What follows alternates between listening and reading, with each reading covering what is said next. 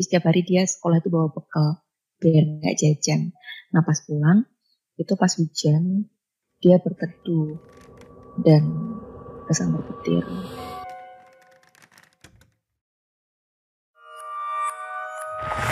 Selamat bergabung di Terbangun Tengah Malam. Di sini kita akan membahas banyak hal yang sering dianggap tabu, namun layak untuk diperbincangkan. Kita akan saling berbagi pengalaman, membahas lebih dalam, tanpa bermaksud menggurui atau mempengaruhi kepercayaan masing-masing. Untuk kalian yang ingin berbagi, silakan hubungi kami di akun Instagram Terbangun Tengah Malam.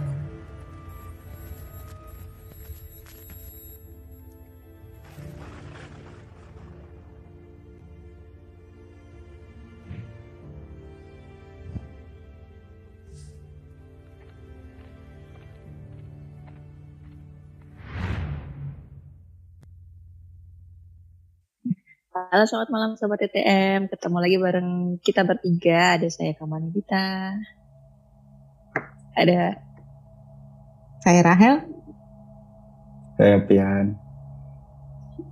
Nah malam ini kita nggak ada bintang tamu, karena kita mau ngebacain email yang lumayan ceritanya, lumayan banyak, jadi bisa Hmm. dibahas agak panjang.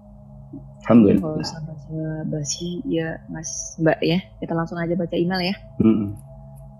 Oke, Mas Pian dulu deh. Aku dulu ya.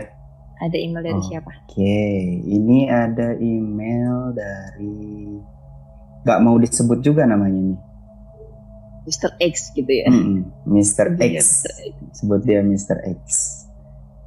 Oke, jadi email yang pertama, halo TTM, gua ada cerita tapi jangan spill nama gue ya. Oke, siap. Kejadiannya kisaran tahun 2010-an. Eh, gue lupa tepatnya bulan apa. Waktu itu gua kerja di KL. KL nih maksudnya Kuala Lumpur kali ya. Hmm. Malaysia berarti. Hmm. Di perusahaan yang bergerak di bidang pertambangan minyak. Hari itu gue kebagian shift malam sama empat orang lainnya. Singkatnya, sekitar tengah malam gitu, salah satu teman gue teriak-teriak sambil nyebut orang minyak, orang minyak. Gue bingung gak ngerti ada apaan. Tiba-tiba dari belakang teman gue yang teriak tadi, gue lihat sekelebat orang hitam banget lari ke arah lain kayak mau kabur. Gua kejar sambil bawa pentungan. Dia lari ke balik alat berat terus hilang. Besoknya gua dengar ada yang habis kerampokan dekat-dekat situ. Udah segitu aja ceritanya. Serem kan? Oke. Oke, serem serem serem. Oke. Oke, serem-serem. Terima kasih buat yang Terima kasih ya, Mr. X. Mr. X. Gimana tuh?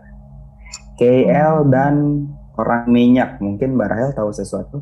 KL dan orang minyak. Sebenarnya orang minyak ini adalah urban legend di KL di Kuala Lumpur. Tapi itu hmm, orang minyak itu adalah orang biasa yang dia menganut ilmu hitam. Hmm. ya dia sebagai pelaku mistis cuman kalau setahu aku itu eh, boomingnya di tahun 1960 orang Waduh. minyak itu Mm. Sebenarnya boomingnya itu di tahun 60-an Hmm. jadi eh, syarat untuk apa ya menyempurnakan ilmunya eh, di malam tertentu dia harus melumuri seluruh tubuhnya dengan minyak minyak yang tapi yang hitam ya gitu nah Hmm. sambil baca-baca mantra eh, dan orang minyak ini tidak akan bisa dilihat oleh orang awam kecuali perempuan yang masih perawan Hmm. gitu. Nah, untuk menyempurnakan ilmunya orang minyak ini, nah, ini aku takut banget ya kita dapat dolar kuning nih. Eh, dia harus melakukan sesuatu ke perempuan yang masih perawan. Ya ngerti lah ya, kita sebagai orang biasa iya. tahu kan Hmm. endingnya seperti apa. Cuman eh, biasanya itu yang terjadi pada tahun itu adalah selain dia melakukan sesuatu ke perempuan, sekaligus dia menguras harta di rumah itu gitu. Dan itu dan itu sebenarnya kalau memang dia benar-benar orang minyak, hmm. yang namanya laki-laki itu nggak bisa lihat gitu. Sedangkan Mr. X ini kan laki-laki kan. Iya. Yeah. Nah itu yang jadi tanda tanya besar. Apakah hmm. betul itu orang minyak atau ada kemungkinan mungkin karena dia kerja di pertambangan minyak ada temennya nyemplung. Hey. Oh. Terus kabur. Kabur Gak karena mau kelihatan udah ya. Diteriakin, uh, udah hmm. diteriakin orang minyak, udah dia badannya kotor, dia sekalian kabur gitu. Tapi ya. Hmm. Gak ada yang uh, tahu ya. Gak ada yang tahu gitu. Hmm. Atau mungkin nggak sih Mbak, itu kan uh, urban legend 1960 berarti sekitar 50 tahun yang lalu ya berarti ya kalau 2010 kejadiannya. Hmm, iya. Ah. Hmm, mungkin nggak sih ada uh, orang yang memakai ilmu itu lagi gitu, mencoba untuk mendapatkan ilmu itu lagi, tapi ya jadi dia uh, ada ada ada update lah, jadi cowok jadi bisa lihat gitu. Hmm, kalau soal ilmunya itu uh, dia berubah menjadi laki-laki bisa lihat, orang banyak bisa lihat, ya bisa dikatakan ilmu itu percuma. Karena kan tujuannya kan memang hmm. dia tidak terlihat supaya bisa merampok, bisa hmm. melakukan sesuatu kepada perempuan gitu loh tanpa meninggalkan jejak. Nah kalau hmm. dia terlihat ya ngapain gitu? Ya. Yeah. Ya kan percuma. Hmm. Mending daripada dia ngelumuri minyak, dia sendiri mungkin lari juga kesulitan karena licin, usah. ya nggak usah okay. sekalian aja ngerampok, sekalian aja berbuat kejahatan gitu loh tanpa menggunakan minyak di sekujur ya. tubuhnya. Hmm. Hmm. Jadi itu membersihnya susah ya pasti. Iya. Nah itu kurang tahu deh, tapi harusnya iya. Jangan nggak usah dipik, nggak usah dipikirin mbak. Oh, gitu. Kenapa aku juga menanya pertanyaan random dari Mbak Dita gitu loh. Aduh, atau mungkin tahun, uh, apa mungkin empat orang dari temennya itu ada yang cewek dan masih perawan. Tapi tadi kan di ceritanya juga disebutkan ke besok eh malam itu tuh ada yang kerampokan kan. Dia dia hmm. tahu pas pagi-paginya gitu. Jadi hmm. masih ada benang merahnya lah ya. Hmm. Cuman yang jadi pertanyaan eh, kenapa bisa kelihatan gitu. Hmm. Atau mungkin bisa jadi hmm, mantranya salah, jadi dia terlihat. Ah, nah, mm, itu juga kan? Ya, hmm. banyak kemungkinan. Banyak kemungkinan. Wow. sampai ke Malaysia loh. TTM sampai bahas urban legend Malaysia loh. Aduh, keren. Gimana mau lanjut ke cerita kedua? Oke, cerita kedua ada email dari Rin. Hai kakak, aku Rin. Aku mau cerita beberapa cerita hororku di masa kecil sampai SMP. Cerita pertama, aku mimpi berjalan ke arah utara ke selatan. Di mimpiku itu keadaan malam hari, lalu ada dua rumah di sebelah kanan yang agak terpisah di belakangnya ada jalan dan membentuk huruf T. Itu jalan hmm. kecil yang anak kecil aja kalau lewat harus menyamping. Aku oh. berada di depan gang itu, mengatap lurus ke pertigaan. Aku lihat tembok awalnya. Tapi nggak lama kemudian aku lihat entah boneka atau anak kecil, sebut aja boneka lah ya, dari hmm. utara ke selatan kayak ngerangka. Nice. Terus noleh ke aku. Boneka itu nggak serem, cuma kotor seluruh badan, lalu langsung merangkak. Aku ketakutan setelah itu dan udah gak ingat. Ada tujuh cerita. Uh, uh, ada tujuh cerita. Wow. Tujuh cerita, cerita. Jadi kita baca bergantian aja ya. Oke. Okay. Mbak Rahel. Oke. Okay. Cerita keduaku. Pada saat itu aku kelas 3 SD. Aku suka banget main ke rumah orang jual bakso. Waktu itu aku main sampai maghrib, tapi karena keasikan main, jadi lupa waktu sampai aku inget kata mama untuk pulang sebelum maghrib. Akhirnya aku mutusin untuk pulang. Waktu itu aku pakai sepeda dan aku senderin sepedaku di tembok rumah itu. Rumah itu di pinggir jalan dan jadi tembok sebelah kelihatan. Waktu aku hmm. ngambil sepeda kan menghadap ke bawah karena mau ngelepas sadelnya. Entah kenapa aku tiba-tiba pengen noleh ke atas sebelah kiriku. Rumah kan ada bagian lanci bentuk segitiga gitu kan. Nah, di ujung itu aku lihat kayak gundukan semen, tapi kok perlahan noleh ke aku. Dan aku lihat wajah pria dengan sedikit rusak tersenyum lebar sampai hmm. garis senyumnya itu ke telinga. Ya.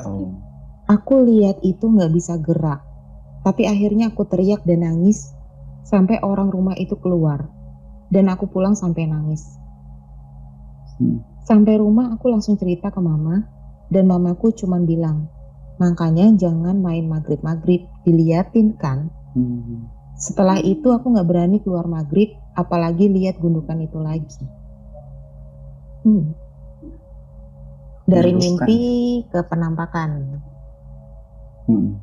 Tapi gunduk, iya sama mbak. Gundukannya tuh kebayang nggak sih? Aku belum kebayang nih gundukannya kayak gimana sih?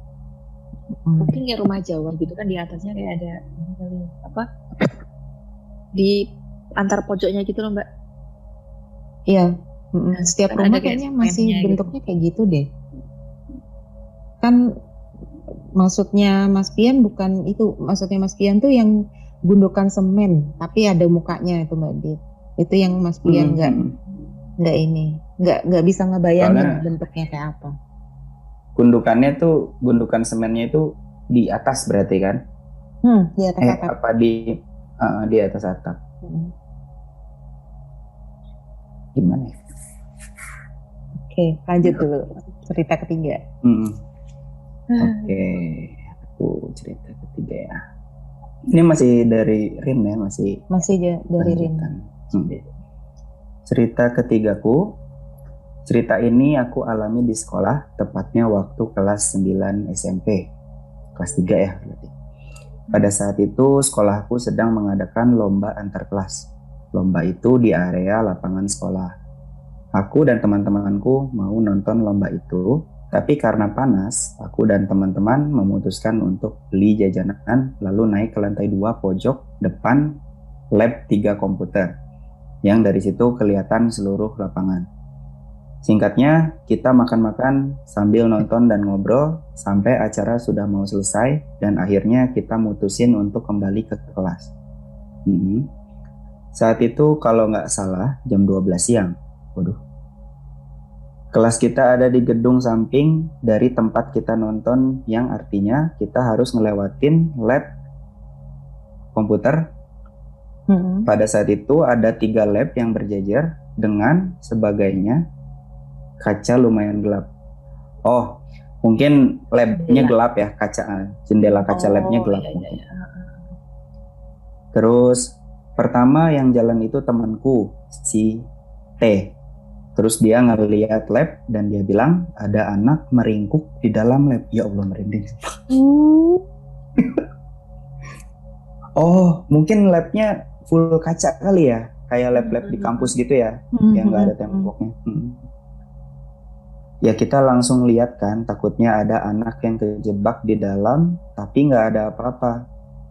Terus temanku yang lain pada ngeliat entah terpengaruh atau apa aku juga kayak ngeliat bayangan cewek meringkuk.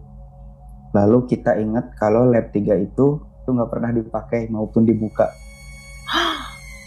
Karena kita ketakutan kita balik kelas. Damn.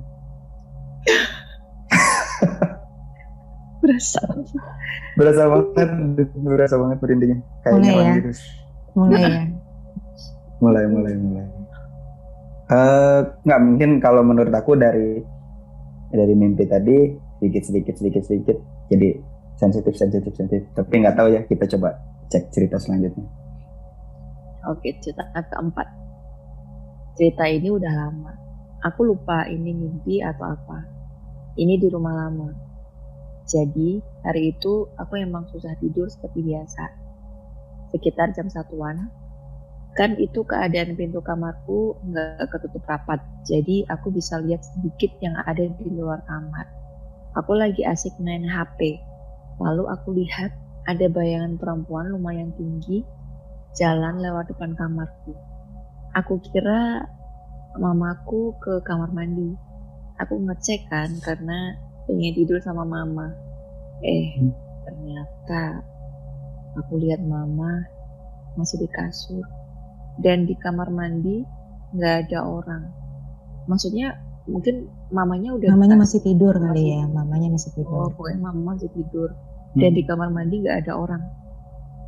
Padahal nggak selang lama aku lihat dan langsung cek karena aku ketakutan, aku langsung aja ke kamar mamaku terus tidur. Oh iya. Hmm.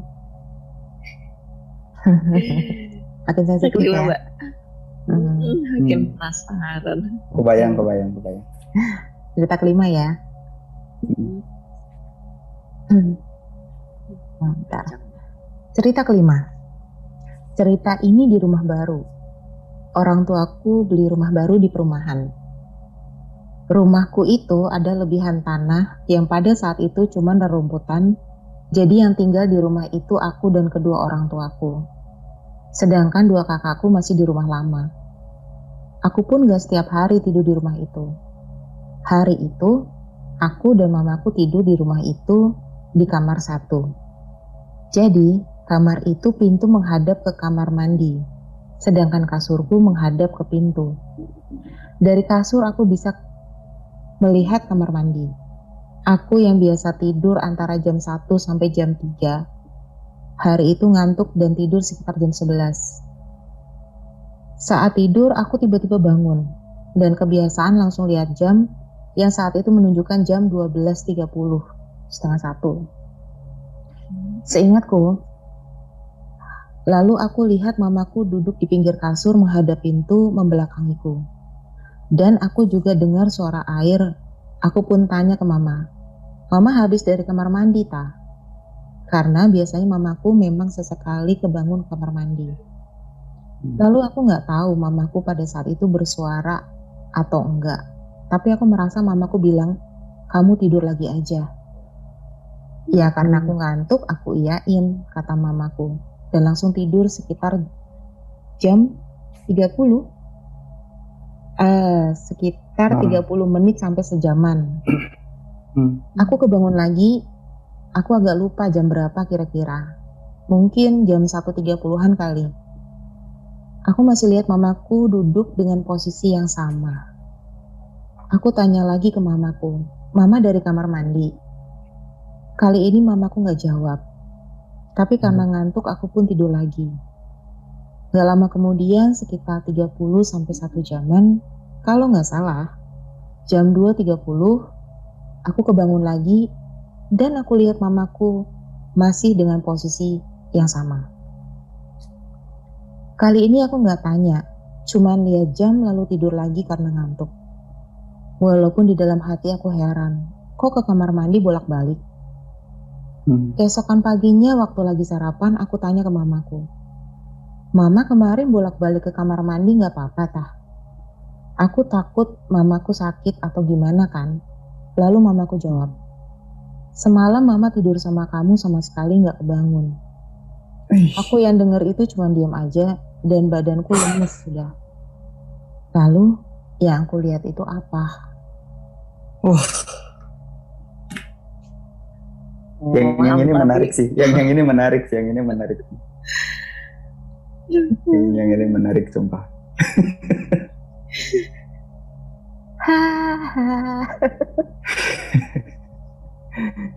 Kalau mamahnya yang asli tidur, yang bolak-balik kamar mandi nggak tahu siapa, dan yang duduk di kasur nggak tahu siapa ya kan ya? Tapi dia berkait, dia selalu berkaitan dengan jin berbentuk perempuan loh. Itu itu hmm. udah jadi, udah aku note, udah aku hmm. Wah, Harusnya aku lihat mukanya. Aku jadi pengen Harusnya ngebaca. Heeh. Oke untuk yang kirim email bisa bisa diundang kali ya lain kali ya. Oke. iya nih. Yep. Lanjut, Lanjut ya. Mm-mm. Cerita keberapa berarti? Keenam. Nanti Mbak Enam. Dita ketujuh. Ini tentang sekolahan, sekolahan lagi ya. Kejadiannya waktu aku kelas 2 SMP, berarti sebelum yang tadi yang di lab ya, yang di lab tadi kelas 3 kan. Sebelum itu aku jelaskan sedikit lokasinya. Jadi dari arah gerbang masuk sekolah, kelasku berada di sebelah kanan tepat di samping ruang data. Kelasku itu kelas J. Dari kelas itu kelihatan taman yang sebelumnya ada pohon di ujung kanannya. Hmm. Hari itu aku sampai di sekolah kalau nggak salah 6.30. Saat itu suasananya mendung. Mau masuk kelas, aku lihat taman kok pohonnya udah ditebang. Perasaanku agak nggak enak, tapi ya aku nggak terlalu peduli karena ya aku tahu pohon itu ditebang karena menutupi cahaya. Setelah sampai di kelas, aku dan teman-teman sholat di masjid sekolahan yang ada di gedung belakang. Jadi salah satu aturan di sekolah itu sholat duha dan duhur berjamaah saat sebelum mulai pelajaran dan saat jam istirahat kedua. Oke. Jadi posisinya di kelas cuma anak-anak yang head atau tidak beragama muslim. Setelah so- setelah sholat aku balik dan lihat di kelas D kok rame ada apa? Aku tanyalah sama salah satu anak ada apa? Katanya kelas D anak-anak perempuan yang nggak sholat atau head digangguin dengan beberapa benda bergerak. Setelah aku dengar cerita itu, aku balik ke kelas karena sudah bel jam pelajaran dimulai. Saat jam pelajaran, aku sempat dengar kegaduhan dari kelas D yang di seberang kelasku. Katanya ada yang kesurupan. Hal itu buat suasana sekolah semakin gak kondusif. Beberapa anak dari kelas lain juga kesurupan rame dan kita yang pada saat itu lagi jam pelajaran gak dibolehin untuk keluar kelas dan ditenangin karena kita semua ketakutan. Saat itu suasana sekolah mencekam sampai akhirnya setiap kelas disuruh untuk doa bersama lalu suasana mulai tenang. Saat jam istirahat kedua, kita seperti biasa sholat duhur. Setelah selesai sholat, kita diberitahu untuk pulang lebih awal karena ternyata banyak yang ganggu. Aneh Oh, banyak yang ganggu aneh di beberapa kelas. Kita juga disuruh doa bersama dan akhirnya pulang. Hmm. Hmm, pohon ini. Ih, pulang Pohon pagi. ini. pulang cepat. Iya, pasti ada beberapa yang senang tuh gara-gara itu. Sambil doa semoga besok ada yang surupan lagi gitu ya. Hmm. Oke, ini nggak nggak nggak ada kaitannya ya sama cerita ada. sebelumnya. Hmm. Cerita ketujuh. Jadi di rumah baru aku di cerita sebelumnya, aku suatu hari lapar malam-malam dan mutusin untuk pesan makanan secara online. Pada saat itu aku pesan dua nasi goreng untukku dan untuk papaku. Singkatnya driver ojek online itu sudah memasuki perumahanku. Jadi perumahanku itu jalan masuknya jauh lebih terlebih jauh terlebih lagi rumahku di pojok belakang. Dari arah masuk perumahan, aku lihat dari aplikasi driver, driverku sudah jalan sambil di semacam bundaran jalan dan berhenti di situ. Aku heran, kok berhenti? Tapi aku pikir mungkin aplikasinya lagi agak error. Aku tungguin kan, tapi kok nggak datang-datang. Aku cek aplikasi driver meski di bundaran itu. Aku chat nggak dibales. Sampai akhirnya nggak lama kemudian ada notifikasi pesanan telah diterima. Hah? Hah? Pikirku. Kan bayar tunai. Terus tadi kan terakhir berhenti di bundaran yang kiri dan yang kanan cuma lahan kosong. Lahan kosong yang banyak rerumputan rerumputannya. Hmm. Yang menerima pesananku siapa? Aku coba menghubungi driver tapi udah nggak bisa. Antara takut dan heran, akhirnya aku mutusin untuk tidur aja lah. Wow. Ada masalah nih di perumahan. Iya, iya. Rumahan baru. Nggak ada pesanan orang. Pesanan Mana? apa? Nggak ada pesanan orang seenaknya sendiri. Jadi dia nahan lapar dong ya. Semalam. Iya. Beneran Bukan masalah bayar. Perumahan baru dia nggak sebutin ya. Cuman nyebutin rumah baru ya, pindah ke rumah baru gitu ya. Kayaknya sih perumahan baru sih. Perumahan baru yang lahannya nggak tahu tuh. Lahan bekas apa gitu kan. Yo, tadi tujuh cerita sudah dibacakan. Memang nggak semuanya eh, berkaitan ya ceritanya. Hmm. Yang terakhir nggak Hmm. nggak ada kaitan dengan sebelum-sebelumnya sih. Hmm. Oh, yang terakhir doang ya. Sama eh, yang terakhir sama yang kelas 3 SMP yang di lab itu. Ah, ah. Em, ya ini sih eh, kalau bacain surel memang kendalanya nggak bisa tanya langsung ya. Cuman Mm-mm. yang aku tangkep sih benar kata Mas Pian makin lama kok kayaknya makin sensitif gitu loh mulai melihat hal yang eh, aneh dan itu semakin dekat dan semakin nyata kalau aku rasa ya gitu tapi hmm, yang pertama itu itu bonekanya boneka perempuan ya yang merangkak itu ya nggak sih Tadi kalau nggak salah ada nggak sih? Iya deh, kalau nggak salah boneka perempuan. Mm-mm, mm-mm. Itu boneka perempuan. Hmm. Em, terkadang gini, eh, yang namanya makhluk astral itu berkomunikasi seringnya di saat kita mimpi. Itu karena di saat kita mimpi kan ini menurut aku ya, bukannya aku Hmm. mau menyesatkan atau apa pun enggak itu. Tapi menurut aku yang aku tahu di saat kita tidur itu sukma kita kan ke keluar kan dari badan.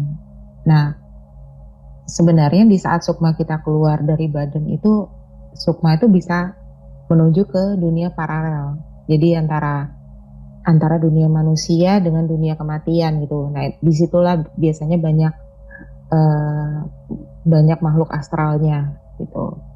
Nah, kemungkinan besar yang dia lihat itu adalah eh, dia masuk ke dunia mereka. Ngelihat rumah, terus ngelihat ada lorong, eh, dia ketemu seperti itu dan kayak apa ya? Jadi makhluk astral ini kayak kasih tanda gitu bahwa kamu tuh nggak akan jauh-jauh dari sosok yang berbentuk perempuan. Gitu. Kayak aku Jadi waktu cerita, cerita waktu pertama kecil tadi. dulu, mm-mm, waktu kecil dulu aku kan pertama kali yang kulihat itu pocong, bahkan aku nggak tahu kalau itu pocong. Hmm. Cuman waktu aku tanya bentuknya kayak gini loh, kayak gini, kayak gini, kayak gini gitu. Oh itu namanya pocong gitu. Karena aku non muslim ya, aku kan nggak nggak ngerti. Setelah aku orang meninggal ya dikasih jas atau kasih baju yang bagus gitu. Dan aku baru tahu kalau itu pocong. Dan pocong itu bilang makin kamu besar kamu pasti melihat yang aneh-aneh gitu. Wah. Ini kayak sebagai petanda bahwa eh, sebenarnya kamu tuh eh, mata batinnya itu ter- terbuka dan sebenarnya bisa melihat atau bahkan bisa berkomunikasi. Itu sih. Tapi kalau dari cerita pertama tadi yang aku ingat itu, ya yang dia mimpi itu, eh, gangnya itu kecil sekali ya. Katanya kalau anak kecil aja harus miring tuh jalannya. Hmm. Dan si boneka itu keluar dari situ kan. Mm-mm. Itu bagian itu sih aku seremnya di cerita pertama tadi. Mm-mm, mm-mm. Mm. Mungkin nggak sih si eh denah mimpi itu adalah rumah barunya dia. Nah itu Jadi dia kan itu sebenarnya mau kita tanyain kalau misalnya dia ada di Ah. sini kan. mm, mm, mm. gitu karena eh, gini sebenarnya kita kita bermimpi itu terkadang ada petunjuk yang berupa kayak puzzle gitu. Hmm. ibaratnya kayak ada hmm, keseluruhan mimpi itu tidak tidak semuanya tuh akan sama yang di kehidupan nyata kita. Tapi ada ada puzzle-puzzle misal kayak rumah bentuknya T kayak gitu kan. Nah itu artinya apa? Bisa jadi sesuatu gitu. hmm. kayak Mbak Duta dulu mimpi kan masuk ke rumah kayu bentuknya segi enam. Eh segi enam atau segi lima? Segi enam kan Mbak Dit ya hmm. gitu. Itu kan ada arti-artinya. Tuh dan kenapa dia tidak boleh ke lantai tiga? Kenapa harus lantai tiga? Itu kan ada artinya juga. Sama plat nomornya juga plat nomor mobil juga. Hmm. Mobil tapi uh, mbak bentar aku mau nanya. Si gadis oh bukan gadis ya boneka kecil itu tadi apakah dia setelah masuk ke mimpinya Rin ini terus dia ngikutin Rin atau sekedar ngasih? Oh bisa jadi ya? Bisa jadi. Dan apakah dia juga yang uh, muncul sebagai mamahnya yang mundar mandir gitu bisa jadi bisa jadi cuman kalau kalau aku ngerasain hmm, di kondi di kondisi pada saat itu itu adalah sosok yang memang sudah ada di rumah barunya. Hmm. Hmm. Itu seperti jadi gini kadang tuh ada orang yang eh, nggak tahu ya kalau aku rasa tuh yang namanya astral itu mereka juga pilih-pilih orang untuk mereka menampakkan diri gitu loh jadi eh, kalau misalnya kayak Mbak Dita misalnya gitu kan dia banyak lihat pocong gitu aku misalnya hmm. banyak lihat yang makhluk-makhluk mitologi atau Mas Pian melihatnya beda gitu. Kadang uh, bisa jadi seperti itu gitu. Nah kalau si Rin ini kayaknya kaitannya dengan sosok asal yang wujudnya seperti uh, perempuan gitu. Betul. Kalau aku lihat sih kalau misalnya dia sampai uh, apa ya sampai tidur dengan mamanya di usia yang udah agak gede kemungkinan besar dia punya kedekatan sih dengan sosok ibu ya. Iya. Hmm. Kalau yang di lab tadi apa mbak? Kalau yang di lab itu penunggu-penunggu sekolah sih sebenarnya. Hmm. Biasa, kalau sekolah itu kan pasti ada lah. Hmm. Apalagi emang labnya nggak terpakai kan tadi. Iya, uh -uh. mana lab kan emang lembab ya kalau setahu yeah. harus mbak Dit harus dingin sih karena kan biasanya kalau lab komputer kan sih pakai PC ya PC itu panas loh hmm. Betul iya, harus jaga suhunya supaya tetap dingin.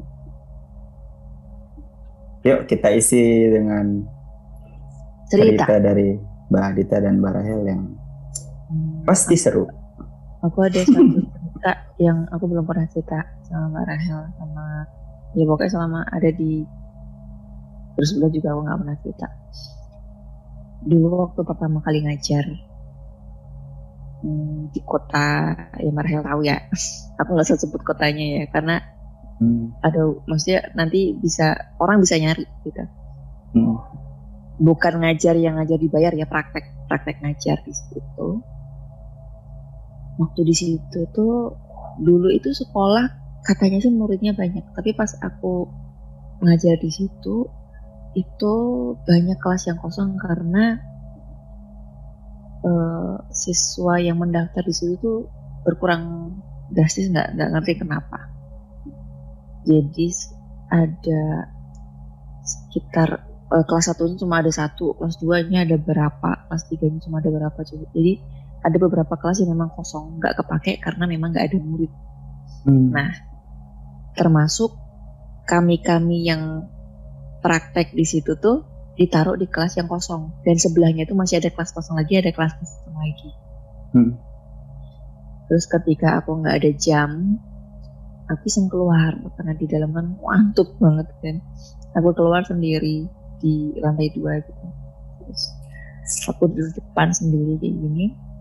Aku nengok ke arah kananku yang di sana itu uh, kelas kosong. Itu lorong jadi uh, menuju ke lorong tapi lorongnya lorong buntu bisa dibayangin nggak? Hmm. lorong buntu terus rasa-rasanya sih kayak ngeliat ada anak SMA karena aku ngajar SMA ya anak SMA anaknya tinggi rambutnya belah tengah. Mm-hmm. dia duduk kayak gini kayak gini. Untuk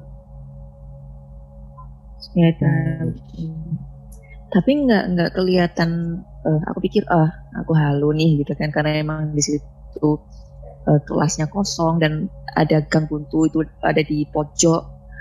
Aku mikirnya itu halu karena mungkin aku masih ya itulah ngantuk atau apa aku masuk lagi.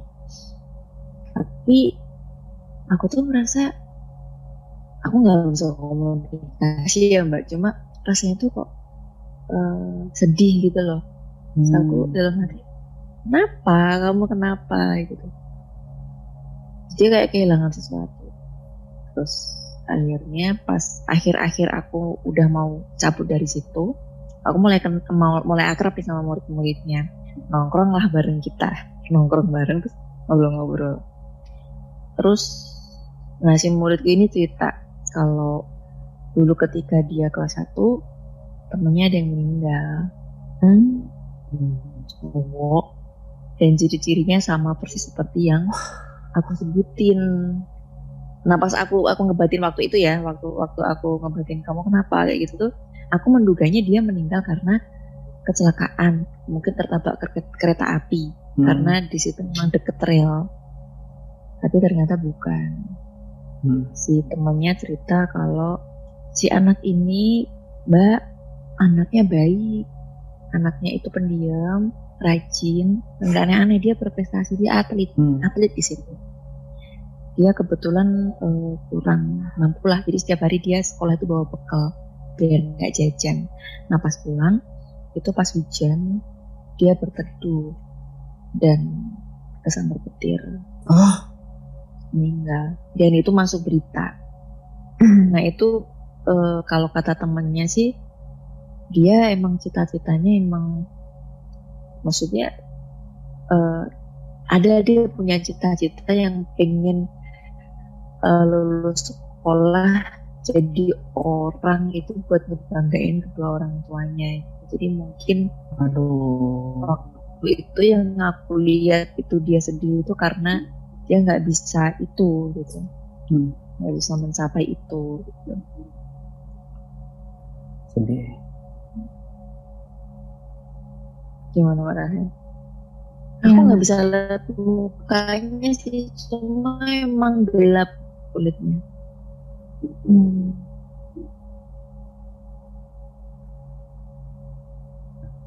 Nah ini kejadiannya di di rumah Aki di rumah Aki yang dulu sampai sekarang masih ada, cuman sekarang Aki udah nggak tinggal di situ. Tetap ada uh, ruang keluarga. Di situ ada lemari besar, biar bisa dibayangin ya. Hmm. Di situ ada lemari besar, terus ada tempat TV-nya. TV-nya nggak terlalu nggak terlalu gede sih, mungkin 21 inch. Baru TV tabung biasa. Nah, kebiasaannya Aki itu selalu tidur di situ nggak beralaskan apa-apa di lantai aja gitu pakai karpet pun enggak tapi aku itu selalu eh, nggak uh, pakai baju ya cuman pakai kaos kutang doang gitu hmm. pakai sarungan udah aja. Tiduran begini posisi begini di lantai gitu. Sambil nonton uh, bola. Nonton pertandingan bola. Tapi uh, ujung-ujungnya si pertandingan bolanya yang nonton Aki gitu karena Aki ketiduran. Ujung-ujungnya gitu. Nah tapi kalau misalnya di eh, nggak uh, tahu kenapa itu saluran itu selalu menayangkan pertandingan bola gitu. Kami uh, apa cucu-cucu uh, apa pasti tahu gitu si channel yang itu gitu. Dan kalau dimatiin bangun gitu kayak udah ada sinyalnya aja gitu. Nah di sebelah ruangan keluarga eh ruangan TV itu ada satu ruangan kecil yang waktu itu ditempatin sama sepupuku cewek yang emang lagi tinggal di situ TV-nya nah, suka nyala dari... sendiri ya? Atau berubah ah, itu aku channel? Tahu berubah channel ke channel kesukaan Aki. Ap- aku nggak tahu tuh merinding sumpah. Aku nggak tahu cuman kalau Aki lagi di situ pasti aja tayangannya bola itu. Pertandingan bola itu. Yang kami juga sempat mikir ini apa channel ini nggak menayangkan yang lain gitu selain bola. Gitu loh. Terus nah di sebelahnya itu tadi ada kamar kecil, bukan kamar mandi, kamar yang ukurannya kecil. Uh, ada kasur yang uh, biasanya si sepupu aku tuh kalau tidur itu ngeliat persis ke posisi Akil lagi rebahan. Jadi deket banget gitu. Jadi si pintunya tuh cuman kusen doang, nggak ada nggak ada pintunya. Pakai tirai. Kebenaran tirainya lagi dibuka. Nah dia tuh waktu itu lagi uh, mau tidur, jadi agak ngantuk tapi setengah sadar gitu. Dia ngelihat Akil lagi tiduran nonton seperti biasa, udah udah udah tertidur tuh, udah. Tapi suara TV masih nyala. Nah, di balik tembok kamar itu itu ada tempat Aki melihara ayam, kandang ayam banyak, hmm. kandang ayam banyak. Hmm. Nah, di situ dia dengar suara orang lagi motongin sawi apa sosin ya, sawi ya buat ayam tuh, hmm. sawi di kayu gitu, truk truk truk truk truk truk truk truk, kenceng kan, truk truk. Cuman dia kalau keluar ngapain juga gitu kan, dia cuman mikir, oh paling si A gitu kan.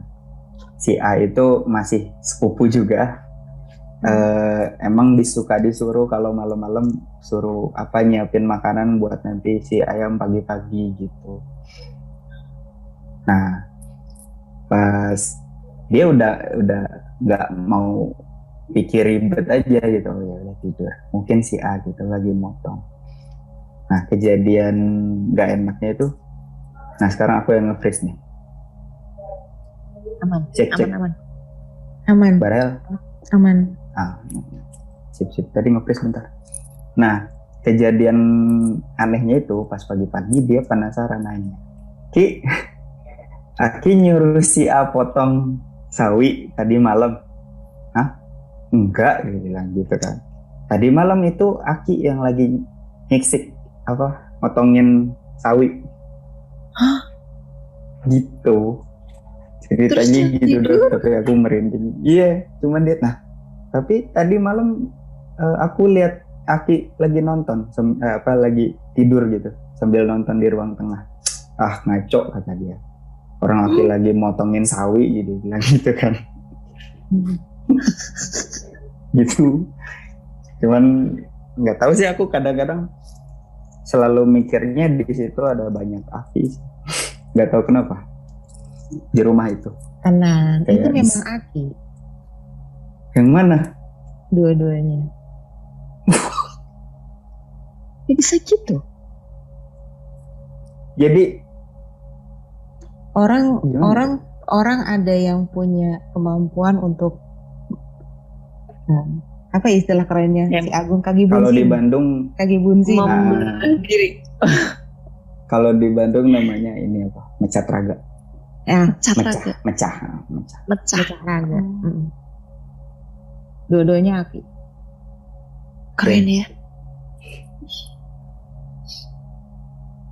Saya nggak mau jadi tamu gitu. TTM. Itu aja sih. Padahal cucunya ada jadi host gitu loh.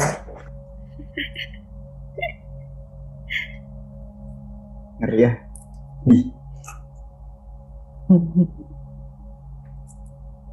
Tapi kalau dua-duanya Hafi ya nggak ngeri ya mas? Eh, nggak tahu sih mak. Aku ngebayangin ada di posisi sepupuku itu, ya ngeri sih. Iya karena karena untuk orang awam kan pasti taunya itu jin menyerupai atau apa hmm. gitu kan. Sebenarnya enggak. Pas. Karena yang lagi dia lihat dan deket sama dia itu kan posisi yang lagi tiduran. Tapi pas pagi-pagi hmm. ditanya, uh, Aki ngakunya lagi motong itu lagi motong sawi jadi ya jadi takutnya pas pagi-pagi berarti aku sedekat itu gitu dengan dengan dengan sosok itu gitu hmm. gitu yang bikin dia takut oke okay.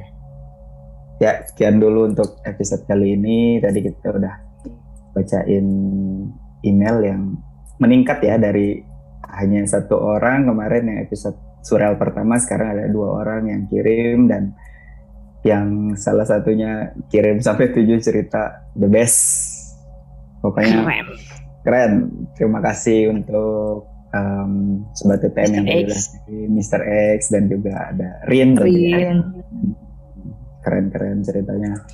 Dan buat sobat-sobat TTM yang lainnya juga kalau mau bercerita tapi nggak mau kelihatan wajahnya atau nggak mau ngobrol sama kita gitu kirim aja ceritanya nanti kita bacain dan kita tetap bahas di sini.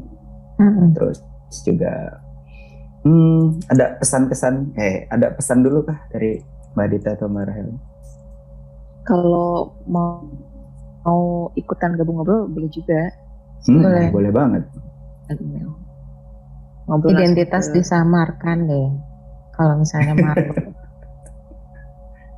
asal ya, so, Um, oh ya, syarat untuk jadi tamu TTM audio harus jelas ya, koneksi internet juga hmm. harus kuat. Karena koneksi internet kuat aja pasti ada gangguan gitu, apalagi koneksi internet ya, pasti ada begini-begini ya.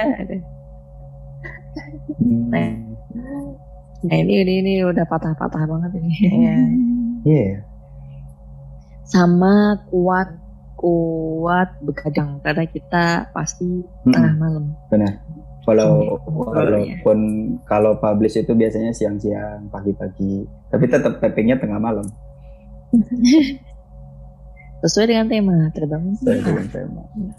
Oke gitu. Terus ada sedikit informasi juga buat sobat TTM mungkin uh, ke depannya uh, kami akan tetap berusaha upload sebisa mungkin cuman mungkin intensitasnya eh, nggak uh, sesering dulu ya karena ada sedikit kendala, kendala. Mm -mm, ada sedikit kendala. Jadi mungkin maksimal dua episode satu minggu atau hanya satu gitu. Tapi kami akan tetap setiap minggu pasti hadir buat kalian mantap mantap mantap Oke, gitu aja untuk malam ini. Terima kasih buat yang udah nonton. Uh, jangan lupa di subscribe, share dan like video ini. Uh, akhir kata kita pamit terbangun tengah malam. Mari bercerita. Mari kita bahas bersama. Sampai jumpa. Dadah.